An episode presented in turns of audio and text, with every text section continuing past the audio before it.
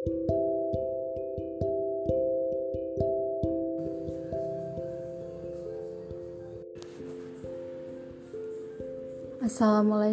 warahmatullahi wabarakatuh. Zaujati Pada pertemuan malam ini Akan kuceritakan tentang kisah Sabiah yang bernama Ummu Sulaim dengan suaminya Abu Talha Yang ketika menikah dengan Abu Talha meminta mahar berupa syahadat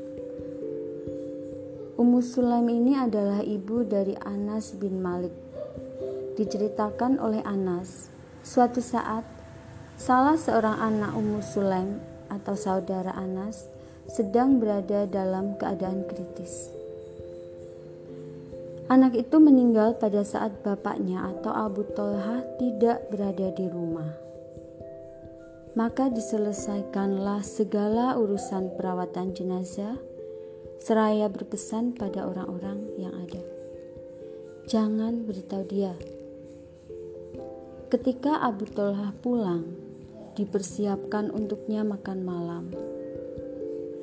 Abu Tolha pun makan malam, sampai kemudian sempat tidur bersamanya.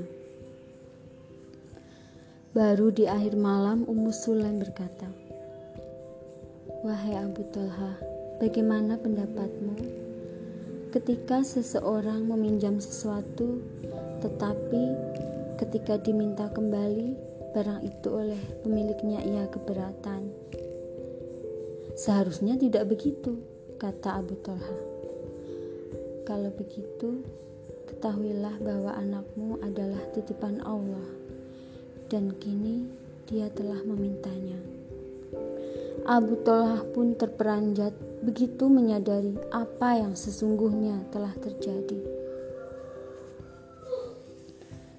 Pagi harinya,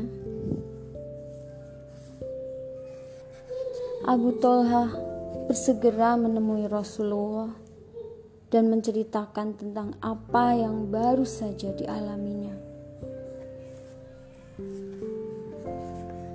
Namun di luar dugaan, beliau justru membenarkan dan memuji tindakan Ummu Sulaim seraya bertanya. Kalian berbulan madu tadi malam? Ya, jawab Abu Talha.